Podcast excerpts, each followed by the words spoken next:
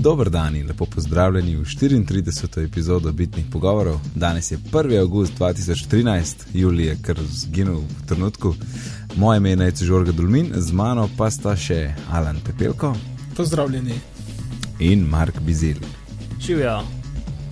Zdravo, prijatelji Kač. To sem hodil re, reči zadnjih 33 epizod, pa nisem mogel. No, danes imamo kar nekaj novičk najprej bomo probali to čim, hitr, čim hitreje obdelati, potem pa skočimo na našo glavno temo, ki je backup oziroma izdelava varnostnih kopij v več kot eni besedi.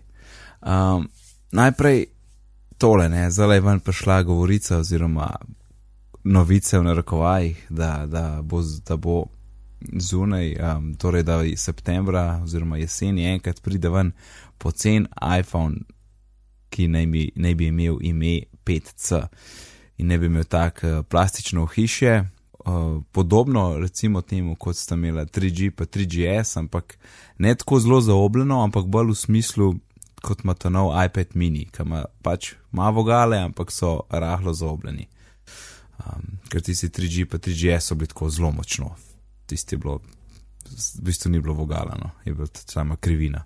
In uh, jaz moram reči, da sem se mal. Uh, Malo sem se omehčal glede tega, v narekovajih poceni iPhona, ker moramo vedeti, da to še vedno ni nek iPhone, ki bo tako 200-300 evrov in bo polno dunga.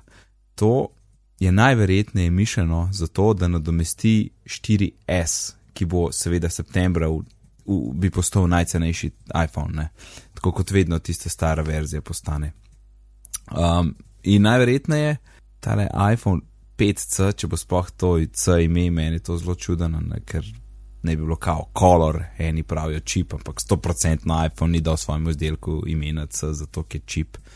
Um, zdi se mi drugače čuden, zakaj bi imel sploh petko zraven, veš, ker to ni, to sploh ni iPhone 5, ne moš mu nič zraven predati, ne.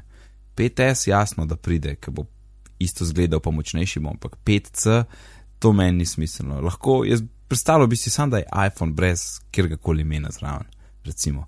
Ali pa, ali pa iPhone Color s celim imenom, brez C-jev, pa takih neumnosti. Um, no, in, in, smiselno je to iz dveh razlogov. Če ta telefon pride ven res septembra, potem se bojo znebili majhnega zaslona in čisto kompletna serija iPhone-ov bo imela 4-inčen zaslon, tako kot ga ima iPhone 5. Uh, in pa hkrati s tem skenslajo še zadnji model, ki ima 30-pinski konektor in grejo na Lightning in pokrijo še to. Pa še barve dobijo zraven, kot so jih iPod tači, pa mogoče še s tem neko simetrijo z tisto serijo izdelkov. Zdaj pa, kdo se ne strinja z mano? Ej, moja prva misel, da se sliši zelo smiselno, kar si rekel. Kaj več pa. Jaz se strinjam. Ja. Uh, vse je zelo smiselno. Ja. In tudi razne slike ja. potrjujejo nekako to, kar mm, smo slišali. Ja, ja. A, kaj pa glede imena, a je še komu čuden 5C? Um, Neč bolj čuden kot 5S, no, po pravici povedan. Obenem je pač 5 je ta nov, ne, in zato je, je kako bi rekel, v ne, mislih ljudi, veš, da je iPhone 5 ta najnovejši, ne. In se mi zdi, da bi zato dodal številko 5, pa tudi verjetno bo procesor pa to isto notrno. Pač ali iPod ta stil, ki dajo isti procesor, mogoče malo slabši zaslon, pa slabši fotoaparat. Zaslon ne. Ma ja, do, do zdaj so ja, dali, da je malo slabši zaslon. Mislim, ja, ok, ja. mogoče ne malo, pač drugače, recimo. Ja, ja. Uh, ne po resoluciji, ampak sam po ne, barvi. Po, barve pa kot, kot na vidljivost. Ja. To pač. Ampak če bo, čeprav verjetno res ne bo take cene kot je iPod Touch, ne, bo nekje vmes, tako da ne vem, kaj bo naredil. Ne, ker fore, ja, itak. Um, ful, v bistvu me zelo zmot, ker reče, a pocen iPhone bom prišel. Neč ne bo pocen. To, to ki je, kako je zdaj le, kva imamo zdaj, štirka, štirka, ne, ker pri njih je, um, to je pol po svetu itak čist drugač, glede na od operaterja do operaterja, ampak pri njih mm. je fora, da je ta najnovejši, je 200 dolarjev, seveda s pogodbo. Potem lansko letni model je 100 dolarjev s pogodbo. In zdaj ta trenutek, ki snemamo, je iPhone 4 nič dolarjev s pogodbo, ne? pač tretja generacija, mm. mislim, tretja najstarejša. Ne? To ne bo pocen telefon, štirka je ne vem, koliko je na strani, zdaj je več kot 500 dolarjev, če se sploh še dobi. In to ni pocen telefon, to bo pač najcenejši v tej seriji, ampak to ni pocen iPhone. Moja, no, čeprav pač plastično hiše, ki je z dveh kosov, mislim, spred stekleno, pa sad plastično, ja. definitivno to zbolj pocen za narediti. Ne? Ja, itak. In tudi verjetno ampak... je malo bolj trpežen. Tako da jaz si to čisto predstavljam za pač neko, ko bi rekel, uh, najstniško ne vem, demografiko. Mm. Uh, in je čisto smiselno, pač za kar dost ljudi, pač najstnikov bi radi imeli telefon, pa potem pač iPod Touch je sicer v redu, ampak če pač. Ja, ni telefon. Ja, ja ni telefon in za, nek, za neko tako osebo bi bila to super rešitev. Ne? Pa se je to, ne. Um plastika je zadnji, če ti pade na tla, ni tok panike. Ne. Vprašanje, mogoče tudi, da Apple toh teh šipc zamenja tam zadnji, pa spredi, da, da so me že s tem tumač dela. Se ne, da ni bilo profita, ampak, a veš, po eni strani pa ne potrebno. Ne. Mm. Bi se pa tudi pač barven, pa tak telefon. Se mi zdi, da mislim, da zdaj so pač, um, ko bi rekel, si prilagodili svoj telefon s tem, da so imeli različne hiše. Mm. Ampak uh, Ne, barve so kulno. Cool, ja, ja. mo videl. En, mm. da si na jabolku, um, ko smo imeli to novico, en napisal, da, da to pa zihnal, da, da je plastika zgodovina, pa da se Jobs obrača v, v, v grobu. Pa sem mu napisal te razloge, ne, zakaj se mi zdi smiselno, pa sem dobo nazaj. Ja, plastika zgodovina, se si se sam rekel, da je bilo na 3G-u, pa 3GS-u. Ja, lej, takrat je bil Jobs živ, ki je te stvari vendal. In 3G in 3GS niste zgledali slabo in tista plastika ni bila dobra, bila na dotik, no, bila je kvalitetna plastika. In če bo zdaj še enkrat uporabljal, ni to čist nič groznega. Mm. Ok. Um, iOS 7, razvijalci se, ver, se veselo igrajo in zdaj je prišla ven beta 4 in uh, Mark, kaj bi, kaj bi mi najdel novega v BT4, če bi imeli BT4 naloženo na telefon? Um, najdel bi, v bistvu ne tako veliko, no. um, mal, mal iz boljšave stabilnosti, večinoma pač, ko bi rekel, olepšave uporabniškega umestnika, ena par stvari so spremenili, kar je v bistvu zelo zanimivo, ker ponovadi pač so izgled zelo, pač določili take izgled in to je to. Ne? In dejansko od ja. tistega, ki so ga pokazali um, na konferenci, ne, do zdaj se je že kar spremenil. Mislim, ne fajn, ampak nekatere stvari, recimo, zdaj so, ja. Ja, zdaj so spremenili pač um, zaslon za odklepanje, da ni več dvoumno, v katero smer ga moraš potegniti, ampak je zelo jasno, mm -hmm. da ga mhm. potegneš isto kot si ga prej. Sicer meni dejansko je prej lep zgled, ki je bil bolj simetričen, zdaj malo nesimetričen, ampak pač recimo, da je bolj uporabniku prijazen zaradi tega.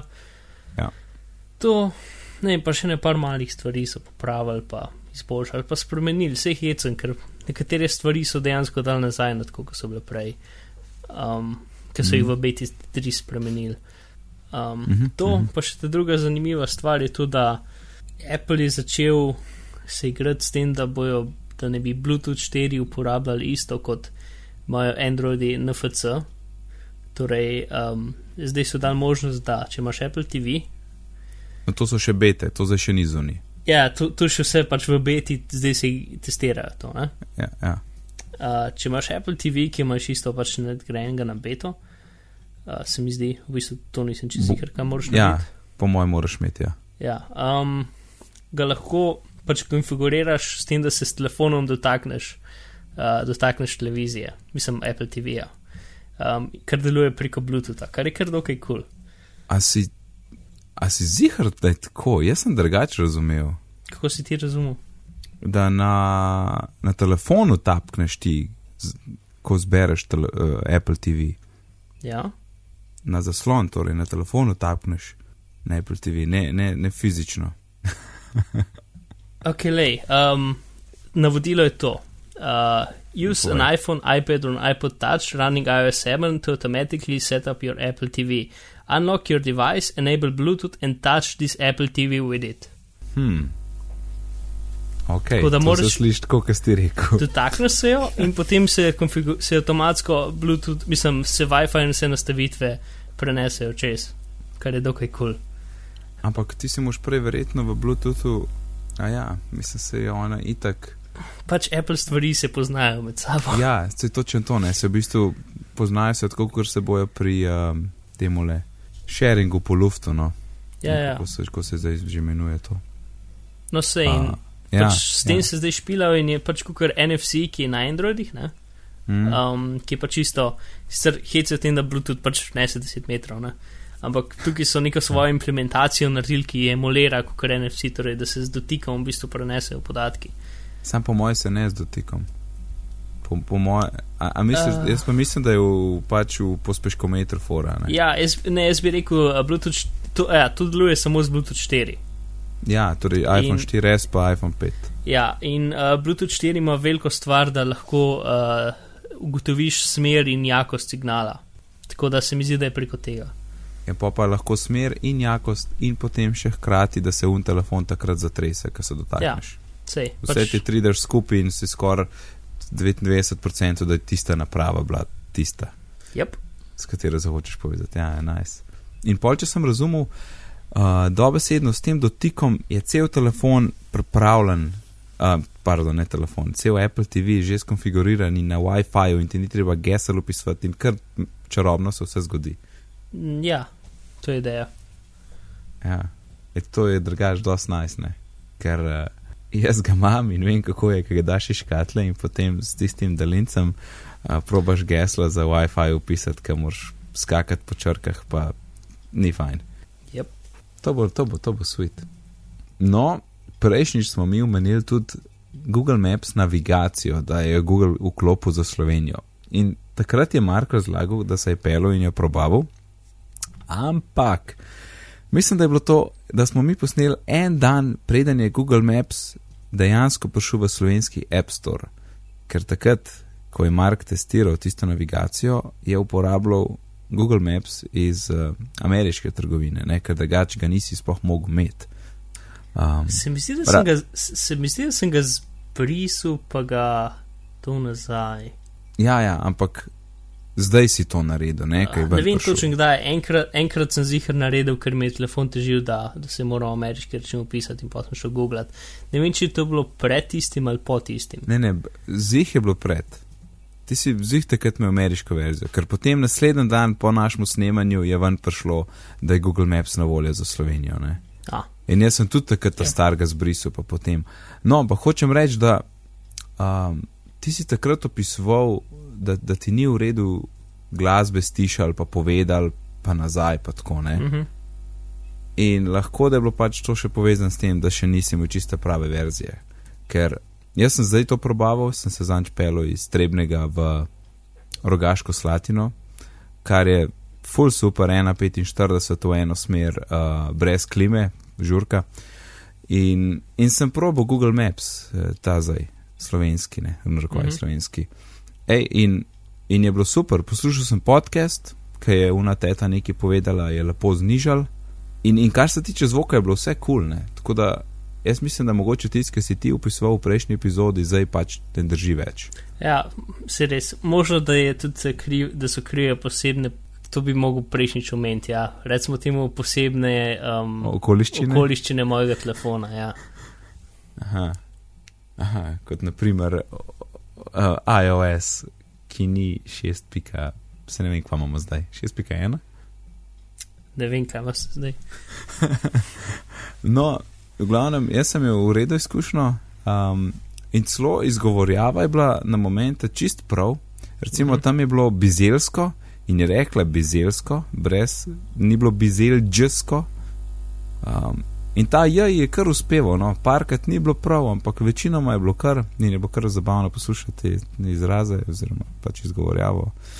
Um, je bilo pa nekaj, ta vodena navigacija, nekaj ima je še tako mal čuden narejen in po mojem bo treba še malo posodobiti, ker, uh, a veš, ti se tam peleš po eni glavni cesti skozi neke vasice ne? in jasno je polno nekih stranskih cest. Mhm. In skos mi je govorila, da čez 600 metrov vozi naprej, Ne? A, ja, ja. Kukor drž se glavne ceste.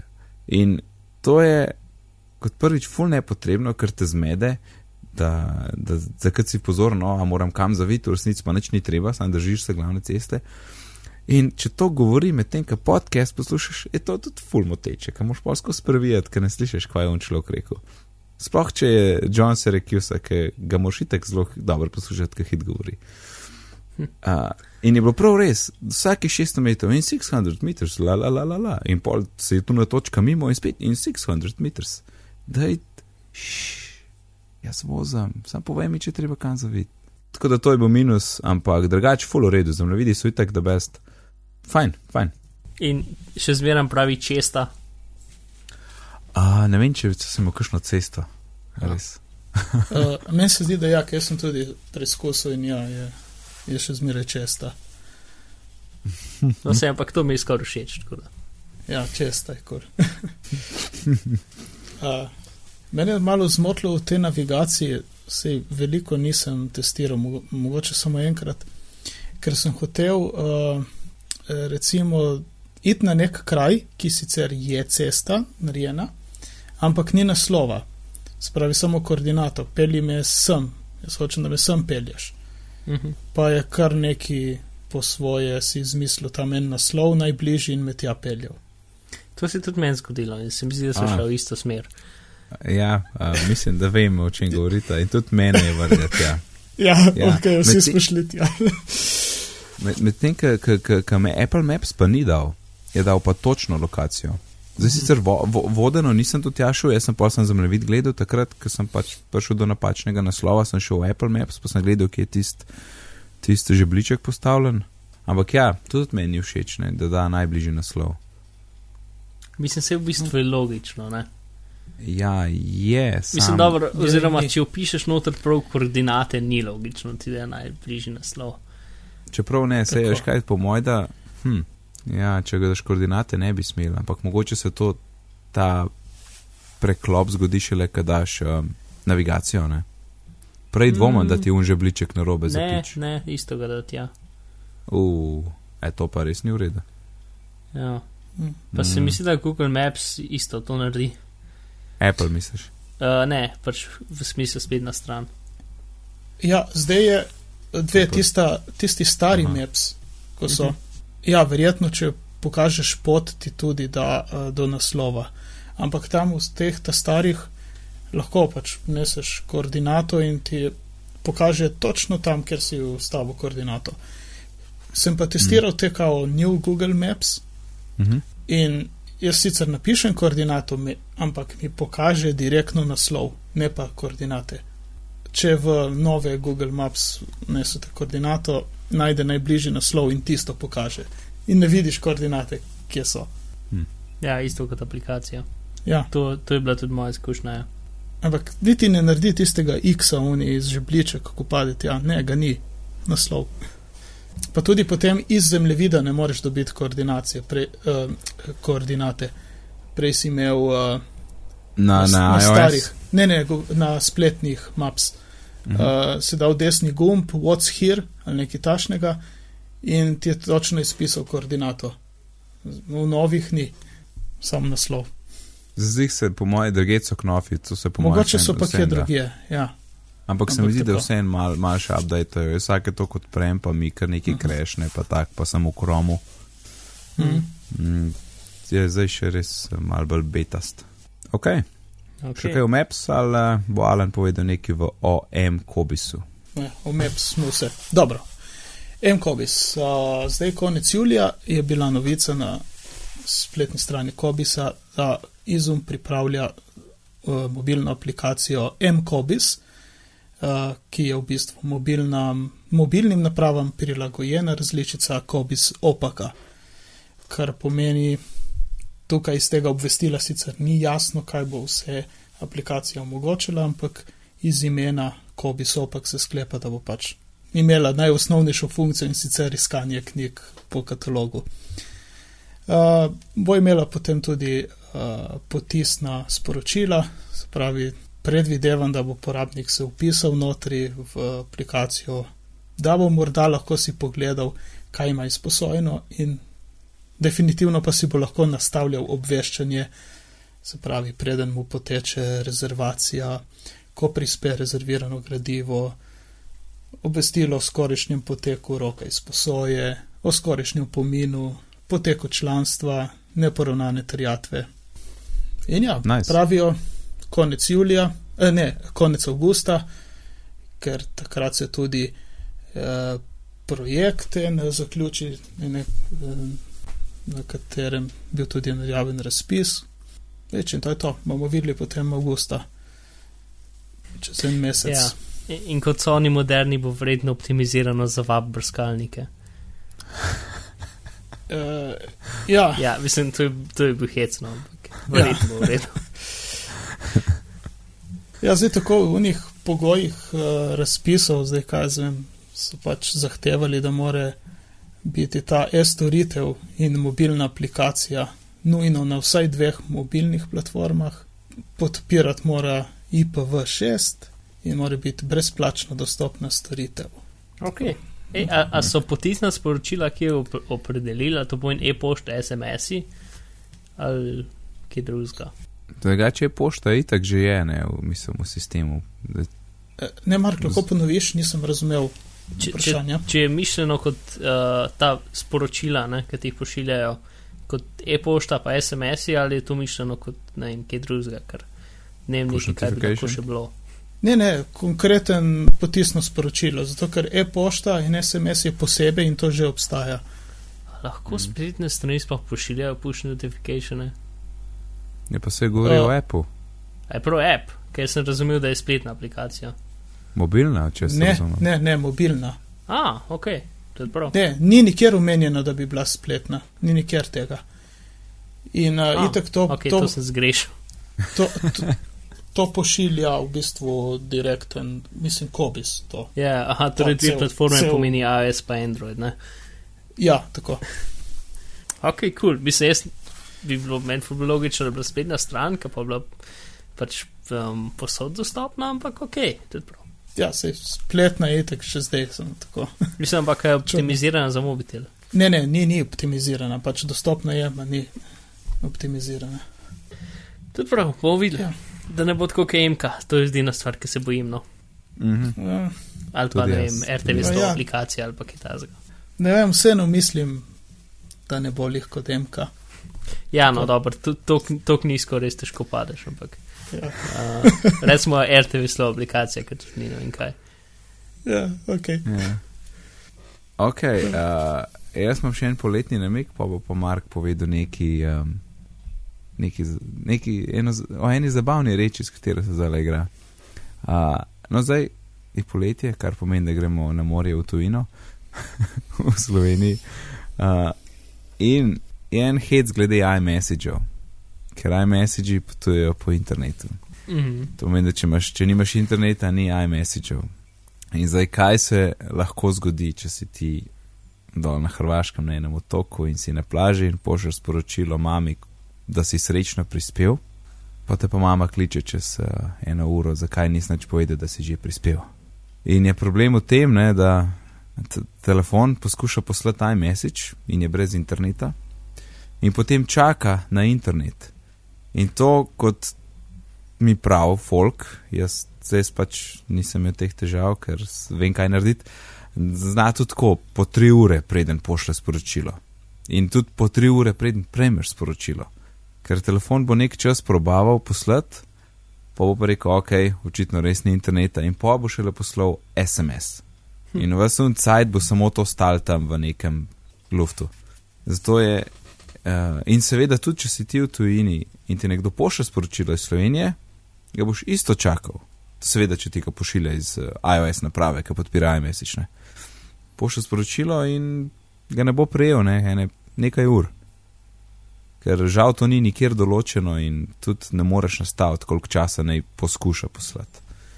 Tako da rešitev je, a, dve varianti sta. Rešitev je, da v nastavitvah izklopiš iMessage, torej general settings, iMessage, izklopiš iMessage. A, druga, ne tako dobra rešitev je pa, da če si v tujini in pošiljaš sporočilo, Ko pošlješ sporočilo in un balonček skoči gor v pogovor, dvakrat tapneš balonček ali pa držiš gor prst na balončku, da se pokažejo tiste kontrole, copy, paste pa to. In potem imaš tam možnost tapkati send as text message, tako da ti ne bo probaval pošiljati kot taj message. Ampak seveda s tem ne boš rešil problema, če pričakuješ sporočilo iz Slovenije v tujino, ne? ker boš še vedno, še vedno un pošiljatelj poskusil iMessage poslati, ti pa nimaš interneta. Torej, sklop ta iMessage v tujini, to je najboljši namik. Razen če ste v hotelu, pa imate WiFi, polni panike. Sem vse prav povedal? Ja, uh, jaz tega nisem vedel. Ja, jaz tudi ne. da ve, no, vi, D- dobro, da se- poslušate bitne pogovore. Ja. Ja. Um, Mark, povej mi, povej mi o svoji novi igrački. Hehe. Uh, nekaj, kar sem čakal več kot eno leto, ker sem prednaročil, ne vem, več kot eno leto nazaj, maja se mi zdi, 2012. In je končno prišlo pred, ne vem, parimi dnevi. Uh, nekaj, kar se imenuje Leap Motion. L-E-A-P. Ja, motion. Mislim, do zdaj še noben tega v bistvu ni na Robert, sem to kot nekdo, ampak dobro. Um, to je bilo ful jasno. Um, Ja. yeah. To je, kako bi to opisal, je kot mini Kinect za računalnik. Če slučajno kdo ne ve, kaj je Kinect, ne googla, ki se mi da razlagati. Ampak je pa res mini, to je tako pol iPhone 5. Ne? Kaj pol, to je, to je v velikosti, ne vem, uh, pokači gumov. Res je malo, mislim. Mm. Tako. Un huba buba, to je Ja. ja. huba buba. Ne, ne, Ne, ne, orbit, uni. orbit. Če bi bili malo debeli orbiči gumi, ja, Aha. ok, mogoče dva, mogoče dva, no, ampak res je mali, no. Zato ker pač vse, kar je tam noč, so dve kamerce. Uh, in to je to. Uh, v glavnem, kaj to je? Uh, stvar ti pač omogoča, da z rokami Minority Report stil upravljaš stvari, ne, tevno. Roke daš pred računalnik in potem ti sledi prstom in sledi dlanem in lahko delaš zadeve. In sicer pač so se zelo dobro tega rešili, zelo je Apple, to cela, mislim, stvar zgleda pač kot Apple produkt, res, ono, aluminijast je in črno steklo in to je to, ono. Uh, škatla je tudi super, pač vse je super, naredili svoj, svoj lasten App Store, v katerega je, tako kot Apple, pač ono, enkrat daš kartico in ti samo daš svoje geslo noter in kupaš z enim klikom, itd. pač res so se dobro rešili uh, zadeve. Pač za zdaj je tako, ene sto aplikacij tu noter, večinoma so igrice, pa ne vem, ena aplikacija, da lahko seciraš žabe, um, pa raziskuješ vesolje, pa pač stvari, ki so tako interaktivne z rokami. Ne?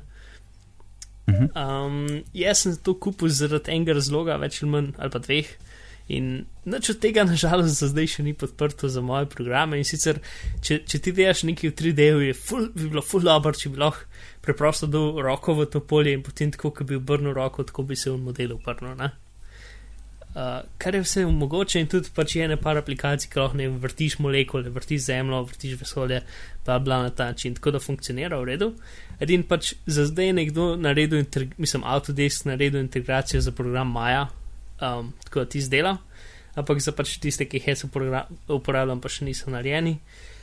Upajmo, da bo kmalo to, drugače pa ne vem, je en kup inštrumentov pa tega, pač take zabavne zadeve, deluje presvetljivo v redu, sicer pač imaš tudi možnost, da upravljaš eh, eh, računalnik iz tega, ampak ful ne funkcionira v redu. Mislim, tukaj je evo en problem, ne. Ti nimaš A nobenega feedbacka, da nekaj pritisneš, ne? In B, pač zato, ker nimaš nobenega feedbacka, v bistvu pač nimaš občutka, da si nekaj kliknil, ne? Tako da, Ja. kako to dela, je, da pač, če si predstavljaš, da gre ven iz tega taka, uh, kot plošča stekla, recimo, in če daš ti prst, ali pa kot da bi bil nek žark, da gre gor, ne? Uh, Mhm. in potem, če ti daš prst čez to, je potem kao pritisnen. Ne? Torej, če si kdo z Vimoutom špilu, pa z Vijom upravlja televizijo. Ne? Ja, ker ta, ne vem, če si rekel, ker ta, ta, ta uh, lip motion imaš ti na mizi tako pred tipkovnico. Ja. Ne, nisem. Tu daš, ja, na mizo daš pred tipkovnico in potem pač z roko, uh, pač z enim ali več prsti, pač upravljaš zadevo. Ne? Um, in tako da lahko načemo, pač imaš en prst kot miško, ne? ampak ne funkcionira čisto redo, ker je pač e- enodimenzionalna plast. Če daš čez to, če daš čez to stvar, uh, prst je gum, je kao miška stisnjena, če daš pa malo nazaj, pa ni. Edino v bistvu roko premika sem in tja čist uh, v, v isti, um, ne vem, prostorski, uh, a razumeš, kaj hoče reči.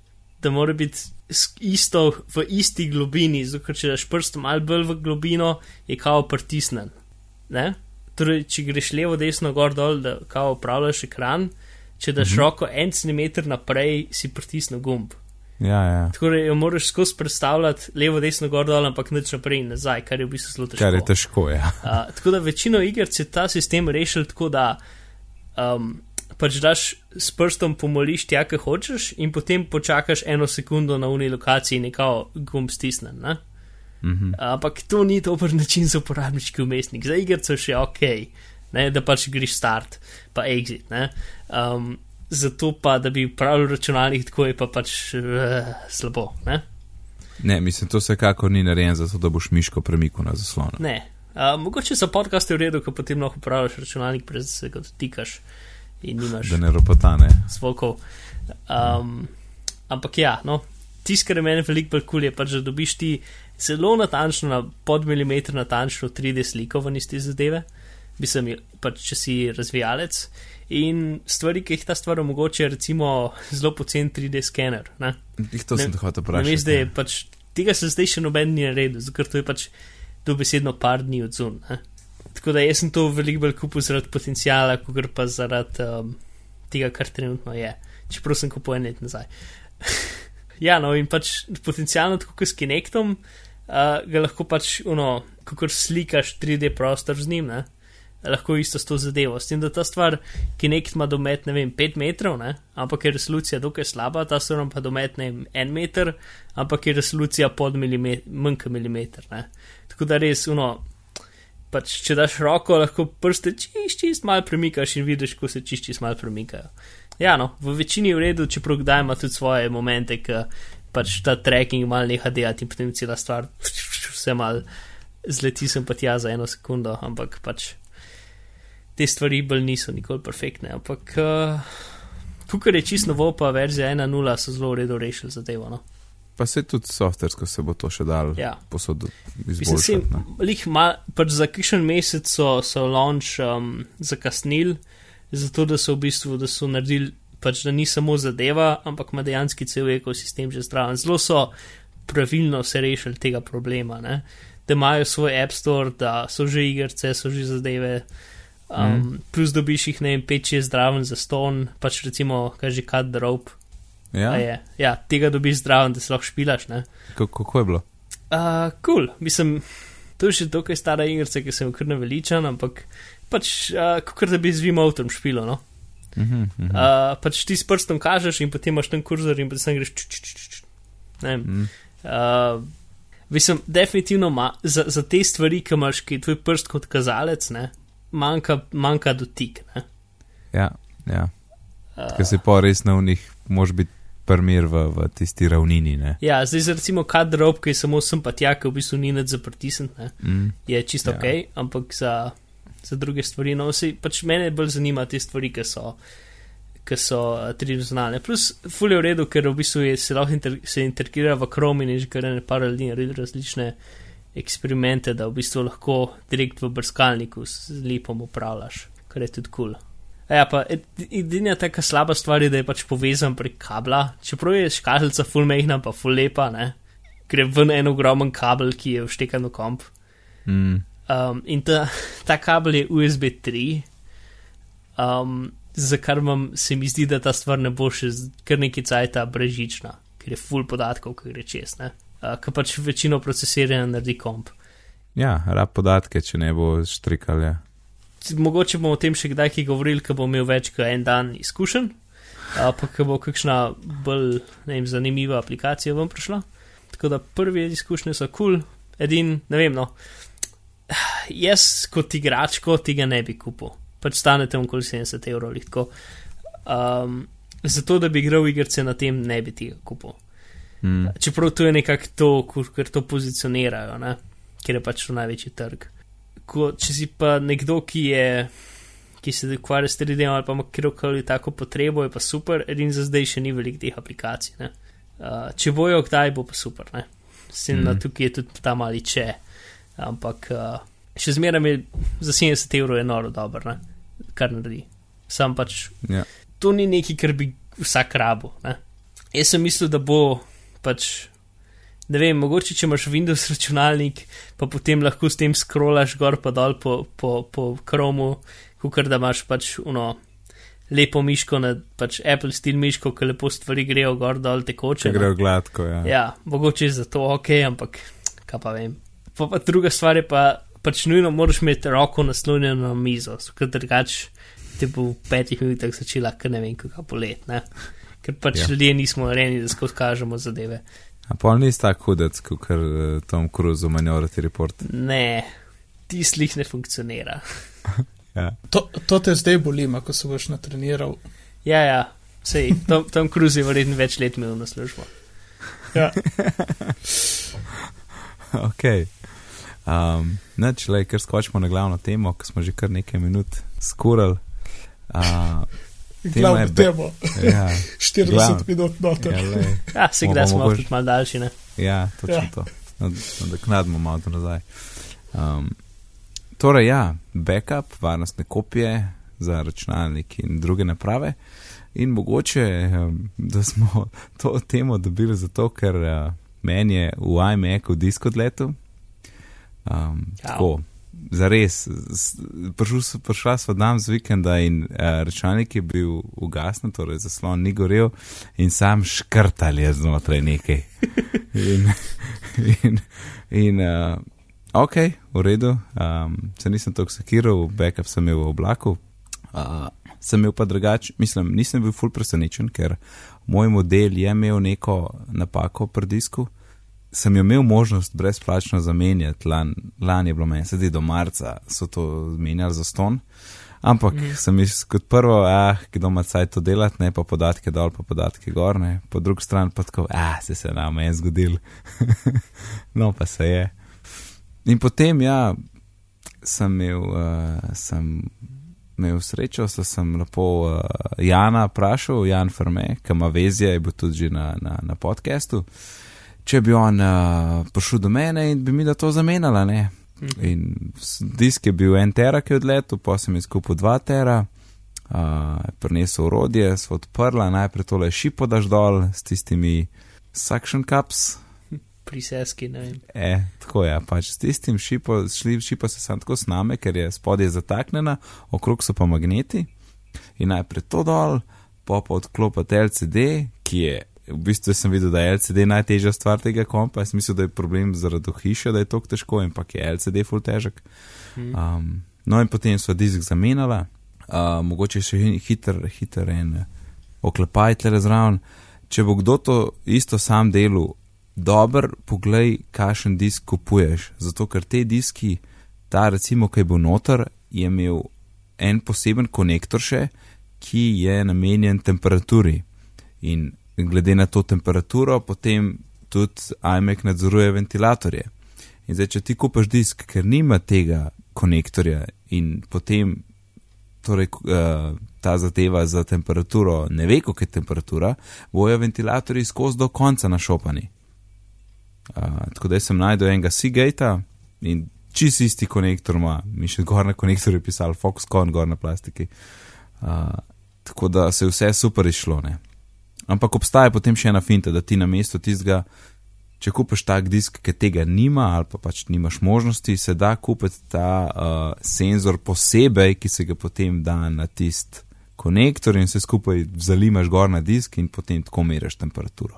Ampak seveda je boljš, če, če to že znotraj diska. Vse smo zamenjali, stvar laufa, juhuhu, ful je prostora, dva tera, full fine.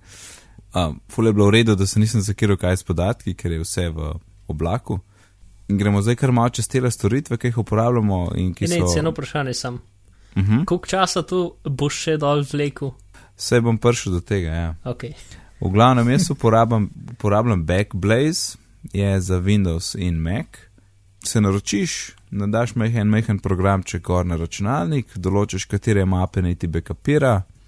Mislim, da aplikacije nisem imel. Torej, prej sem imel en tera, ki je bil v glavnem zafilan skozi do konca in uh, zdaj, ko sem šel obnavljati podatke, sem videl, da je okrog slabih 800 giga backupiranih.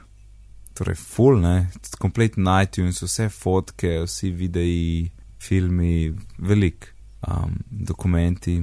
Torej, v glavnem, Backplace ima še, kaj smo rekli prej, ima še iOS aplikacijo, ki je tako, nič posebnega, no, bolj pregleduješ, pa mogoče kakšen majhen file si podownloadaš na telefon, kaj drugega se pa v bistvu ne da. Torej, zdaj sem začel počasi downloadati, ja, Mark. In uh -huh. zdaj sem videl, da to je v bistvu cloud backup mi je super, the best in avtomatiziran, ampak to uh, restauriranje podatkov, da jih dobiš nazaj, to pa zna kar trajati. Ne. Ja, um, si tudi backup znati kar trajati, ne, ampak pač ta prvi backup. Za unga backup, ne. ne skrbiš tok, ne. Ja, pa backup, pa veš, na začetku traja, če imaš ti veliko podatkov in šele zdaj začneš backupirati, to lahko 14 dni, en mesec in več traja. -huh. Ampak potem, ko imaš enkrat backup za filan, itak samo spremenjene podatke uploada oziroma nove. Ana. Torej, to ni problem, ampak zdaj, ko moramo vse dol potegniti ja, in pri backblazu je tako, ti greš gor, ti on pokaže celo strukturo diska, kot je bila, in potem poklukaš, kje mape bi rad in reče, ok, bomo mi pripravili en zip in pol čakaš kakšnih 10 minut do ene ure na tisti zip, odvisno koliko je velik, na mail to obvestijo, ko je, ko je stvar pripravljena in pol podownloadaš. In doma, ker sem na WiFi-ju, sem imel kar težave, ker mi je velik prekinjal in ker je stvar prekinila, je bilo konc. Sem dal 4 GB downloadati. Ali ja, ja, to, kar, sta, kar, si dolo, kar si poklukal, je en zip. Torej, ti lahko tudi najem 100 gigabajtov. Lobi vse, ja, lobi vse naredil. Ja, ja. Se najprej sem začel s 100 gigabajtov, ker sem mislil, da bo ne. Mhm. Ampak pa sem videl, da je problem, ker mi je doma prekinjal, ampak sem na WiFi in potem sem še na šihto probu, kjer sem 4 gigabajtov, pa pol, če ne celo 5, potegnil brez problema. Tam mhm. imamo kab, kabel, pa ene 20 uh, megabitov imamo downloada. Jaz mislim, da bo zdaj moj WiFi problem. Jaz sem jim še pisal, sem rekel, da to me prekinja, kva lahko naredimo. Potem sem rekel, pazi, da ja, ja, ti lahko downloadiš prek uh, browserja ali pa prek njihovega apa. In so mi zelo rekli, ja, pazi, da imaš zadnjo verzijo apa, ki smo naredili, da lahko nadaljuješ, če se prekine, da bo nadaljeval. Uh mhm. -huh. In čist mogoče, da se mi zdi, da sem polo čez večer še enkrat uporabil, da je bilo to že to, ker mi ni prekinil ker na momente se mi zdelo, da stvar stoji in sem tako po stran gledal, tako zdaj pa konc, zdaj to spet mm. navne. In je pa šlo naprej. Tako da mogoče so glik zdaj to updated, upam, da bo teh težav dost, konc. Ampak sem zdaj videl na tem času, ko mesto počas dol vleku, vse mudi se mi nič, ne razen pač malo mi nerodno, ker je to kar nekaj dela, ki moš gledati, da si vse podavljal. Bom, mislim, da bom zdaj usporedno ta računalnik backupiral na drug, drugo rešitev. Ne? Uh, Alan, ti imaš crash plan, po mojem bom šel zdaj na crash plan uh -huh. in bo ta trenutni računalnik šel na crash plan. Tako da tudi v tem času, ko imam to tranzicijo, pa potem še en čas, preden meni backblaze poteče, kar bo sem videl, da šele januarja drug let, ne, tako da imam full časa, se mi bo ta vse skupaj to backupiral nekam drugam. Tako da, ta, da bom res naredil prehod tako. Da ne bom imel kakšne luknje vmes, pa da se očajno se kaj groznega ne zgodi, ne? da imam res še, še vedno na voljo na ukreš plenu. Pa, pa, pa bom pa videl, no, po enem letu, bom kar pol potem, pa, na, da bom na backblaze, bom pol ostal na crash plano, backblaze, kar koli bom še videl. Ampak to tranzicijo bom kar naredil tako, da bom pač še enkrat plačal nekomu drugmu in ne grejo novi podatki zdaj tja. Mhm. Ja. To, aha, čakaj, še nekaj o cenah. Torej, Backblaze je 5 dolarjev, če boš plačeval vsak mesec, če daš na leto, je 50 dolarjev, malo pa šparaš, in če daš na dve leti, je 95 dolarjev. In ko daš to v evre, je to res malo. Sploh če pomisliš, koliko te stanejo na rokovajih podatki, če bi zdaj vse zgubil, kar imaš na disku. Še nekaj, včasih tele uh, backup rešitve ne pustijo, da bi ti backupiral tudi zunani disk, ker če imaš zunani disk, pomeni, da imaš lahko full enih podatkov. In Backblaze jih podpira torej jih podpira, kar je zelo kul. Cool. Razen če je disko mrežen. Mora biti USB, ne, moraš ga imeti preklopljenega na računalnik. USB ali FileWire. Kaj drugega tazga je za Windows, je za Mac. Ne, ima lahko še jaz, ki jaz, jaz sem tudi uh, Backblaze uporabnik. Ja, še, ne tle še gledam, kam je mm -hmm. tazga. Evo, zanim, tale stvar je še zanimiva. Za štiri tedne ti shranjujejo verzije datotek, kar je tudi dost praktično. Ne. En file se ti malo pokvar, Ali pa še lepo, kasneje vidiš, da je pokvarjen, ne, pa še lahko kakšen teden nazaj pa zbereš tisto verzijo, ki je delovala. Ja, sej, zato sem ga jaz do zdaj že rabo, ker sem kaj, kakšno teko čez prepisal mm. po nesreč, pa ni bilo v Dropboxu. Nekaj pa kar povej še, kaj si zamišljal uh, za Backblaze. Ja, no, v glavnem, jaz pač sem tudi Backblaze uporabnik, že ene par let. Uh, dopade se mi pač, ta prvo sem ga izbral zaradi tega, ker je bil najbolj, uh, najbolj neomejen od vseh. Ne? Mislim, zdaj je nekako identičen s Crash Planom. Ne? Ja, ker pač druge rešitve, kot so, kaže Mozi, Carbonite, pa ti zadeve. Ja. Omejili, ja. uh, ti ume, a ti omejijo hitrost backupa, če si ne vem, več kot 200 giga uploadaš, uh, potem file size ne more biti več kot 4 giga. Uh, pač take zadeve, da v bistvu svojo ja. neomejeno imajo, malo omejeno. Pa, pa, pa Mozi je imel neomejeno, pol so pa dal na 100 giga, se mi zdi. Aha, Jaz sem celo. pol prešal tu. Ja. ja, no, tako da pač Backblaze je tudi kul, cool, ker ima v bistvu s, s, tudi pač za gikaste usmerjene ljudi, greš lahko na blog in imajo pač svoj lasten storage pod uh, rešitev, ki imajo svoje lastne strežnike, ki jih naredijo na roke uh, tam in so pač najbolj poceni od vsega in zato tudi pač je Backblaze tok. Um, Oni dolg časa niso imeli nobene uh, podpore, pač uno, ala fundinga, ne? so vse pač sami izbrali. Uh, zdaj so ga sicer vzeli in ta prva stvar, ki so naredili potem, ko so dobili funding in naredili iOS aplikacijo, super. Ne? Ampak mislim, meni se pač kot, kot firma se mi ful dopadajo, všeč mi je app, ki pač, pač je nativen app, ni neka java zadeva. Um, pol, če imaš ta problem, ki ga nec, pa nujno rabiš podatke nazaj, na čem lahko tudi disk od njih naročiš, pa ti dajo stvari na disk, pa ti ga pošljajo. Ni pocen, pač, ampak, ni pocen, ampak ja. če rabiš takoj, je to rešitev. Ja. Ja. Jaz imam tako, ne vem, pet tera gor, neki tasga. Mogoče malo manj štiri, recimo. To pa, če je enkrat videl v blogu enemu njihovemu, so rekli, da ima njihov največji uporabnik 34 tera. Uh, pač no, neomejeno je, ne? tudi če imaš ne vem, mm. koliko tera ti ne veš čil. Mm, nice. Uh, tako, ne, pač kot firma se dopadajo, pač file size je lahko neomejeno velik, Mislim, sem že omejitev 10.000 gigabajtov, nekaj tasga. Ja.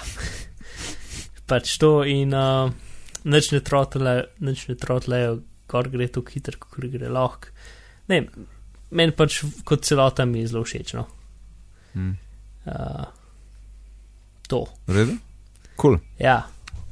Ali je druga v redu rešitev? Druga v redu rešitev, crash plan. Oh, crash plan. V bistvu jaz nisem nič. Uh, posebej iskal ali raziskoval, kateri bi bili te oblačni varnostne kopije, katere bi bile dobre, ampak kaj pred, pred, skoraj pred enim letom, oziroma takrat, uh, ja, bo enkrat decembra ali kdaj je to bilo, so liho krešpleno imeli eno fajn akcijo, Mark si nam ti to povedal. Uh, za zelo nizko ceno, oziroma celo od nule, so štartali in potem vsako uro je bila višja cena za pakete, te njihove plačljive plake, eh, pakete. So imeli eno akcijo, tako da sem uspel priti tam, ko je bilo nekje 7 dolarjev. Sem v bistvu vzel paket, družinski paket, 2 do 10 računalnikov, neomejen plac. Uh, nice. Zato sem pristal na kreš plenu. To bo zdaj še slabe 4 mesece, bo to trajalo, 3,8, pol, bomo, pol se bomo mogli odločiti nekaj, nekaj narediti v zvezi s tem. Uh, ampak ja, tako mirno sem uh, priklopil vem, štiri računalnike gor, zagnal zadevo, nima nativen app, ampak v javi in lepo to nalaga, nekaj koliko teden, dva tedna. Ne, ne vem, koliko časa je vse skupaj delalo, ker uh, ni vedno, nisem imel vedno prižganih vseh, tako da je počasi se nalagalo. In ja, v bistvu, jaz sem s krešplenom zadovoljen, dela v ozadju, niti ne vem, da obstaja. Uh, zdaj tale upload. Uh, Nisem šel brati nekih tehničnih spe specifikacij, ampak po občutku se mi zdi, kot da vedno gleda, uh, koliko ti uporabljaš svo, pač svojo linijo. Ne vem, če recimo uh, pošiljam, imam recimo torente odprte, pa pošiljam kaj gor, uh, da prednost torentom se ne on štuli, da, da pobere Mhm. mm -hmm. ves vsovno. Pač tako zelo gleda, kaj ti počneš in se nič ne vmešava. Ko deliš Linux distribucije, ne? Ja, ja, ja. Ja, ja, tako je, seveda. Ja, kaj počnem drugega delati s studenti? Ne vem. Ne, Ja. ja. no idea. Jaz tudi. Ja, a si kakšno, ta stvar ima še en kup takih kulskih rešitev, tudi če nimaš njihovega cloud backupa, da lahko ja. backupiraš na ekstern disk ali pa, a si kje tega probo. Uh, še ne, bom, bom probal, ampak tako, načeloma je pač ta njihov app, ki ti Mm. pač uh, in v tej primeru je zastonj, pač ga uporabiš za, kot nek umestnik za backupiranje na en zunanji disk in oziroma na zunanje diske, koliko jih češ, je neomejeno. Možnost imaš tudi, če imaš nekega prijatelja, da Ja, se jih to lahko gledam. on da tepen disk, pa ti daš njemu en disk in potem se, potem se tvo, njegov računalnik se k tebi kapira in tvoj se k njemu, recimo. Ne? Uh, da imaš pač offsite, ampak da ni nekje v oblaku, ampak da je v neki zaupani lokaciji. Tako da ja, Uh, ti stvari so dokaj kul. Cool. Ja, kot sem razumel, v bistvu daš prijatelju neko kodo in potem se njegove stvari backupirajo na tvojem računalniku. Ja. Vsaj pravijo, let friends backup to this computer. Ja, se je. Mislim, to, to se potem lokalno na tvoj računalnik backupira ne v oblak. Ja, tako. To pa še ena kul rešitev, ki imajo, ki je spet, um, pač, če rabiš stvari hiter, jim lahko preprosto pošlješ disk, pa ti ga oni dajo pač na internet, mislim, v svoj oblak. Mm. Vse enkrat sem imel za rešiti eno zadevo, eno 4 giga je bilo uh, veliko. Mm. Lih je bila ena Linux distribucija, čisto res. Mislim, ne prav distribucija, no en virtualen disk je bil. Sem se nekaj zmotil in je lep bil backup, poiskal pravilno verzijo, sem mu dal restore uh, in uh, počakal eno uro ali nekaj, ali mogoče tudi malo več in je rešilo. Ma pa dobro, ko ima za pobrati dol podatke, uh, znotraj te aplikacije imaš možnosti, uh, katero verzijo pač obnoviti, uh, s katerimi uh, dovoljenji, kam jo to daš in lahko jo tudi preimenuješ. Nimaš variante, da dobiš nek zip ali kaj takega in pol ti narediš, ampak vse je znotraj aplikacije. Samo mu Torej- poveš. Ti imaš e- app na računalniku in ta Ja, app s tem, s tem, s tem delaš, ko obnavljaš Tako. podatke. ja, tako. Aha, Ti aha. daš samo kljukico in tu daš gumb restore in to je to. Mm. Ja, Po defaultu je naštemano, da ti vse da na, na, na namizje, ampak v bistvu lahko ti to določiš, da uh Mhm. -huh. lahko daš recimo original location, se pravi zv- eh, izvirno mesto, da ti da tam, kjer je bilo prej. Mhm. Ja, ja, ker to pri Backblazu pač moraš na njihovo spletno stran potem tam downloadati. Ja. Ja. In ima tudi eh, aplikacijo za iOS, pa verjetno še kakšno drugo. Mhm. Mm. Lih so si, to je nisem nikoli uporabil, danes sem jo dal gor, lih, da jo vidim.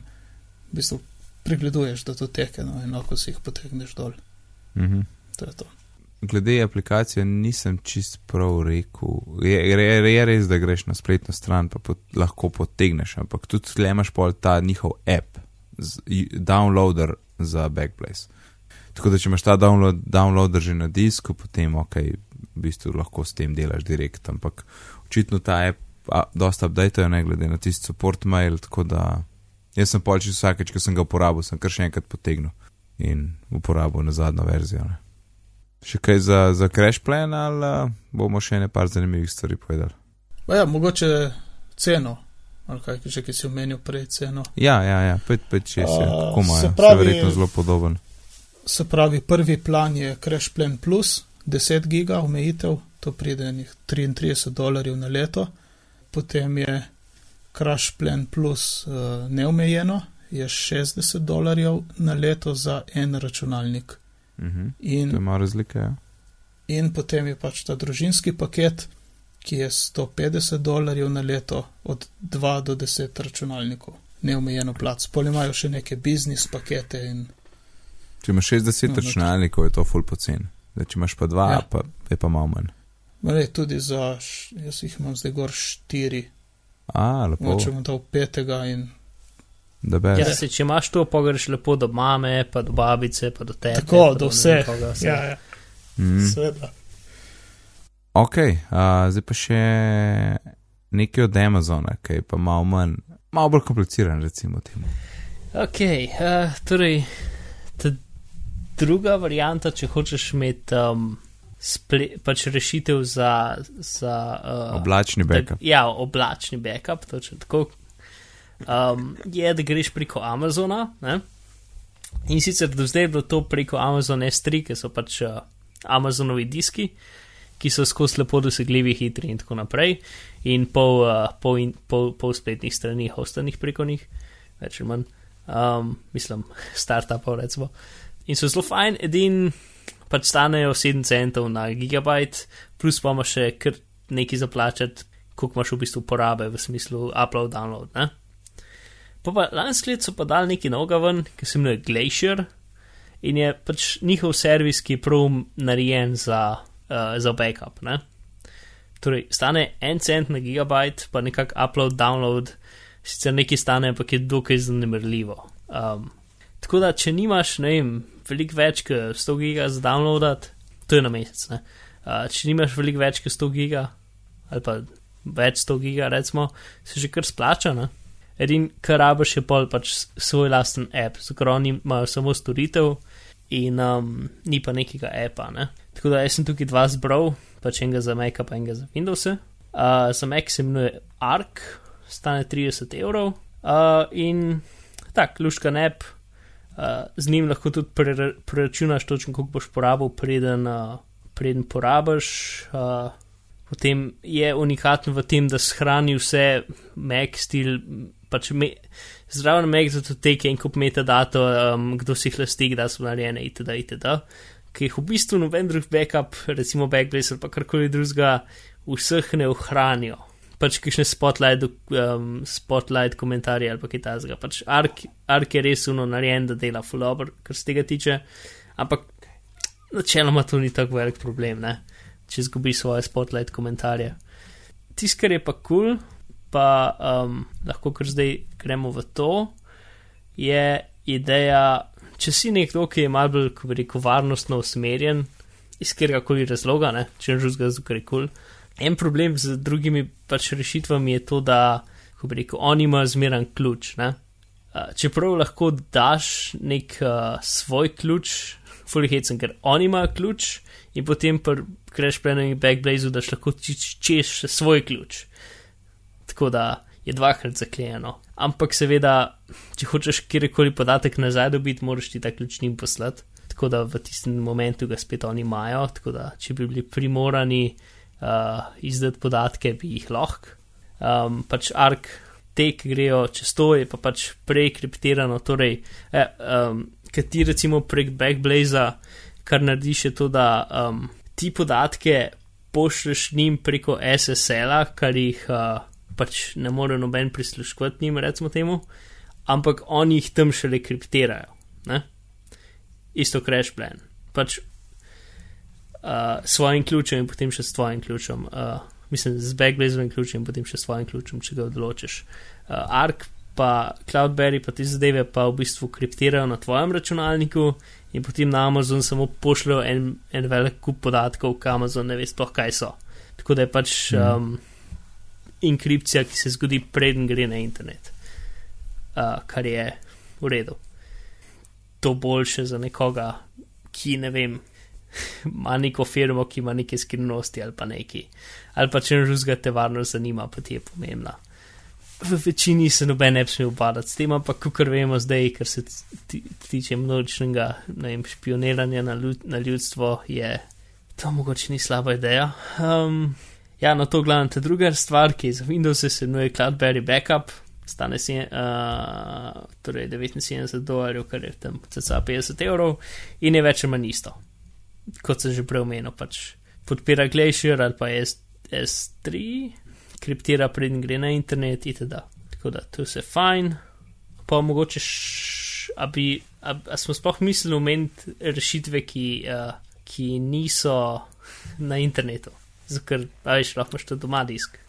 Ja, ja, seveda, lahko imaš, eh, mislim, na Meku je odlična rešitev Time Machine. Ja, Time Machine ali pa ta druga, ki meni všeč, je super. Mislim, jaz sem, evo, moj nori backup setup je A, Dropbox, B, Backblaze, C, mhm. Time Machine in D, Super Duper. Kaj je Super Duper? Super Duper je aplikacija, ki ti duplicira disk. Sicer ta, Time Machine vsake tok časa vklopim nizko, so vklopim na komp, približno enkrat na teden in Super Duper isto.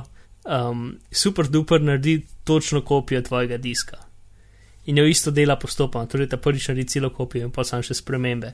In kar to naredi, je, da če ti tvoj disk umre, samo un disk noto štekaš in butaš iz njega. Mm. Uh, s Time Machinom sicer lahko pač restauriraš komp, kot je bil prej. Ne? Ampak dobesedno, kot je bil prej. Ja. Z, z api in vsem. Ne? Mislim, ja, ampak une ape še zmeram na svežo inštalira in ne gre čisto jih točno vse čez, ne? Ampak gre več ali manj točno vse. Mislim, uh, je kar magic, no. Je kar, ja. Mislim, po mojem, če prideš z Windows okolja, je super. Ja, magic. ampak pač super duper naredi točen duplikat tvojega diska. Ja. Torej, dobesedno disk crkne, Klon, ne, štekaš ta drugega in greš naprej. Ja. Ja, klon. Uh, ok, skočimo še v mašin. E, mogoče čakaš pri pr teh mašinah. Ti si prej rekel, da imaš eno od verzij, variant tudi Dropbox. Kar je tako, mislim, Dropbox lahko uporabiš kot backup, ampak Dropbox ni mišljen za backup. Mislim, ja, v smislu, da jaz vse stvari, na katerih aktivno delam, jih ponad zmeram, ala projekti zadeve, jih ponad zmeram, delam v Dropbox mapi. Torej, imam za vse avtomatsko 30 verzij za nazaj. Ne? Ja, ja. Saj Tako da je je- pač uno, da je bolj varno. Tudi če ne delim z, nič, z nikomer, še smeram delam v Dropboxu, za vsak Ja. Mislim, ker potem, mislim, če bi hotel res imeti vse podatke v Dropboxu, je mal dražji. Uh, Ja, potem vse dražji. moraš premakniti v podmapo Dropbox, ker ne gre drugače. Ja, ne, to, to ne. In Pač Pač ni za to. za, no. za kritičen sekundo do sekundo backup. Pač, uno, Mm. pač spet jaz imam full nivojev backupov, ki je dokaj, dokaj overload. Ne? Ja, Mislim- ampak tudi na Dropboxu, za si rekel, za trenutne projekte, tam gotovo nimaš videa noter, ampak Ja, imaš bolj dokumente, pa tekste, pa tako. Imam video. Je koliko giga? Ja, dost, to gre. a- To, ki gre na free ali to, ki Ja, gre jaz sem zdaj ene 28 giga Dropboxa na kitajsko. na free. Ja, na frija. Vse sem dobil preko referralov. Dobro, Referralov. dobro, ja, dobro si to razširil. Dobro, ampak le video je lahko tudi nekaj 100 giga, ne? Ja, ja. To hočem Mislim, reči. Na srečo vsi do zdajšnji projekti, ki smo jih delali preko tega, še niso šli do te mere. Uh, ampak ja, če ne razumeš, vse da imaš file. Ne? Ja, Ja. Pač tudi, če delaš v skupini, je Dropbox super. Da pač uno, imaš lahko neko mapo filev in potem dela pet ljudi, sicer ne vse na istih filih, ampak približno to pa imaš vsi iste esete, pa vse te zadeve.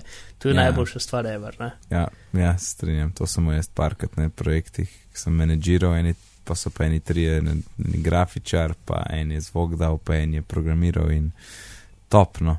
En doma je na šihtu, en čist druge in takrat nas je to fulašil, pa glih, glih van je prišel, ja, res top. Ok. Torej, iOS. iOS, iOS, ja. Um, v osnovi za iOS imaš dve varianti. A backupiraš uh, prek iTunesa na računalnik Mm. ali pa direkt z telefona v iCloud. Na računalnik pred, je prednost v tem, da ti lahko backup kriptiraš in potem um, ta backup vključuje tudi vse tvoje ključe, Sa, torej vsaj gesla za vse akonte, ki so notu, za maile, za Twitterje, vse akonte ohrani. Uh, če daš pa v iCloud, pa si omejen s tistim prostorom, razen če boš posebej plačal, in pa gesla niso shranjena. S tem, da mislim, da a so to slučajno kaj spremenili, ne? ker jaz se spomnim, da backup na računalnik ni vključeval fotografij. Svoj cajt je samo shranil podatke od Apple. Kdo slučajno ve? Uh, hm. Ker vem, da sem ga- fotk ni shranil, ker jih je bilo treba posebej dol dati. Jaz sem ga zmeram iz, iz iClouda pred kratkim. Vse to, tam je vse, Uh, kar je tudi gesla, ja. prav. Ja, razen gesla, ampak tam je res vse, ker mora biti vse. Ker, Čeprav v bistvu ni čist, uh, občasno, api imajo dva načina, kako lahko shranjujejo svoje podatke. Ne? To sploh starejši api so krivci tega. Imajo en način, da, da, da so ti podatki shranjeni v iCloud, ki je pač od takrat, ko iCloud obstaja, in je drug način, uh, kjer ti podatki niso, ki so kao odvečni in začasni podatki, uh -huh. uh, kjer ti podatki niso shranjeni v iCloud. Se restaurirajo, če si, če si pač to naredil preko uh, računalnika, in se ne restaurirajo, če si to naredil preko iClouda kar je fulnadležno, ker doskrat kišne starejše igrice ima vse game save tam noter. A re, pa, to, pa se bi se mogli podatki od Apple shraniti v backupu. Če so v ta pravi mapi, v aplikaciji, pač ki ima neke svoje pseudomape, ne, uh Mhm. -huh. potem se.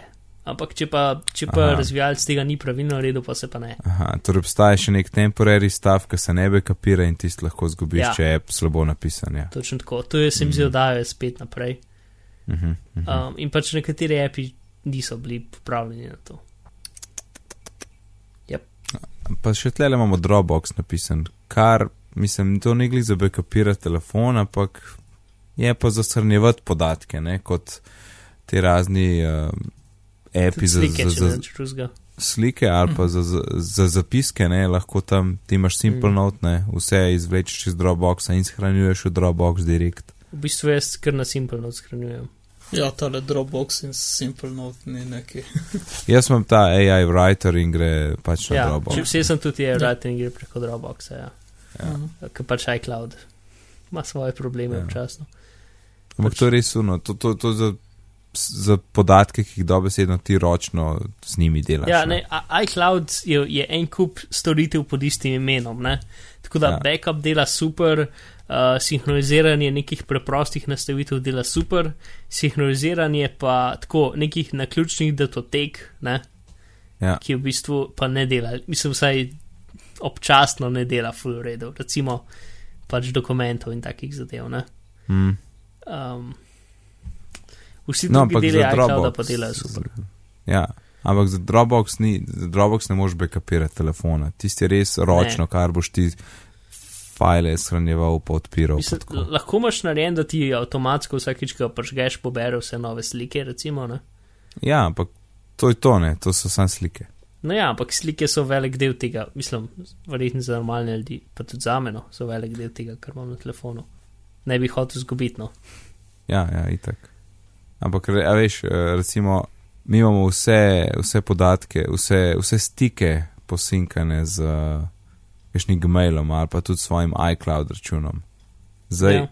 vem, da folk ima vse stike v telefonu in to je to. Ne? Veš, zdaj, Mhm. brez backupa ti noben Dropbox ne bo pomagal tle. Ne? Ja, ne, ne, definitivno ni celostna rešitev, ampak samo mogoče samo en del. Ne? Mislim, ker res Ja, ja, Dropbox ja. tukaj gledam kot file system za iPhone. Ne? ja, res je. Ja. No, pa še, še, še nekaj, še nekaj. Jaz recimo uporabljam v službi še Kobian backup, brezplačen app za backup. Uh, tam, ampak to, je tak, to ni tako, te oblačni, ki smo jih omenjali, ki se avtomatično dela lepo v zadju, da sploh ne veš. Tle, tle ta je bolj ročen, ne? ti dobesedno rečeš, iz te mape takrat pa takrat shrani tja pa tja vse file, ali samo nove, ali Pač, ne par verzije, pač full backup, inkrementalen backup in rečeš urnik, Ja, ala, in- ala um, Time Machine. pa, š, pa še predvsej pri taj mašini nič treba delati. Mislim, a ni tukaj enkrat določiš in pol dela.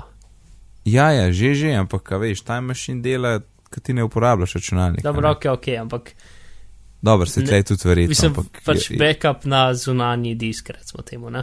Ja, ja, nisem nekaj naredil, da gre iz mreže, iz enega, z, pač iz enega strežnika, kjer so file, da gre na zunani disk.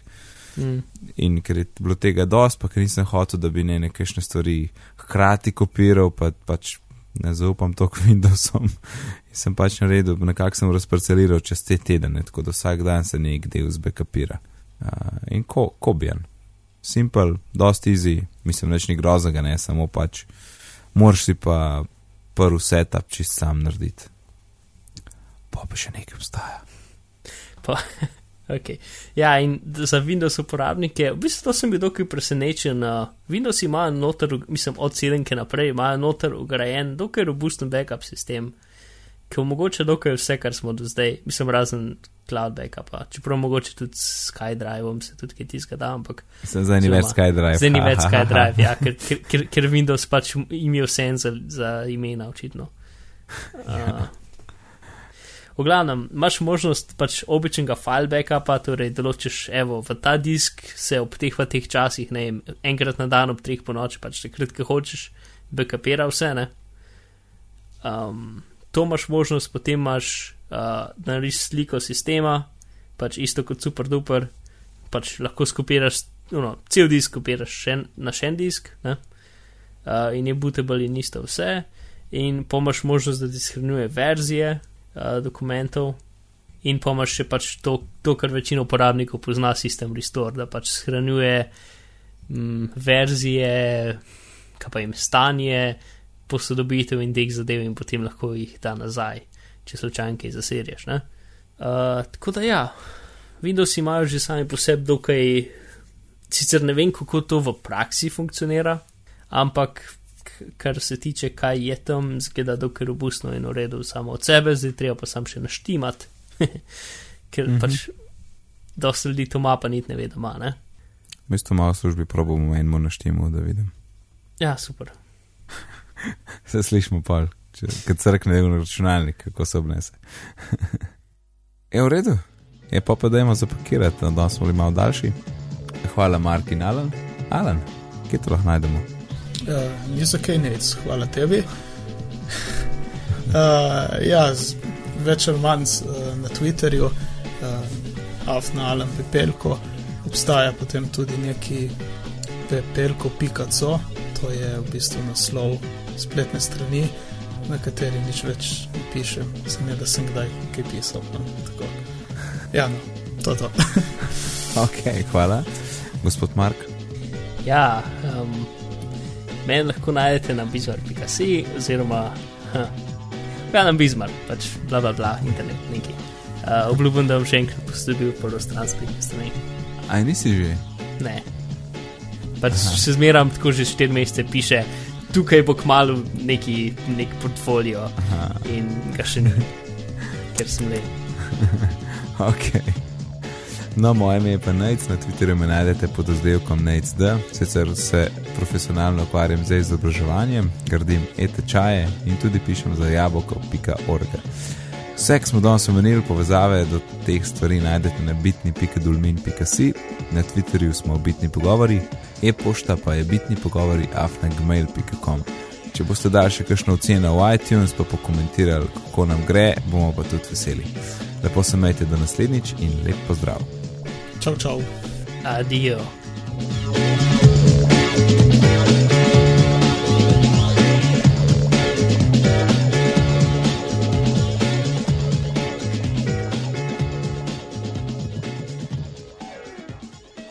Kjerkoli so boljši bizmari servirani, ne vem. To nima nobenega smisla. to je ono, ki prevedeš nekaj angliškega v slovenščino, ampak nima totalno nobenega smisla. Um, ok.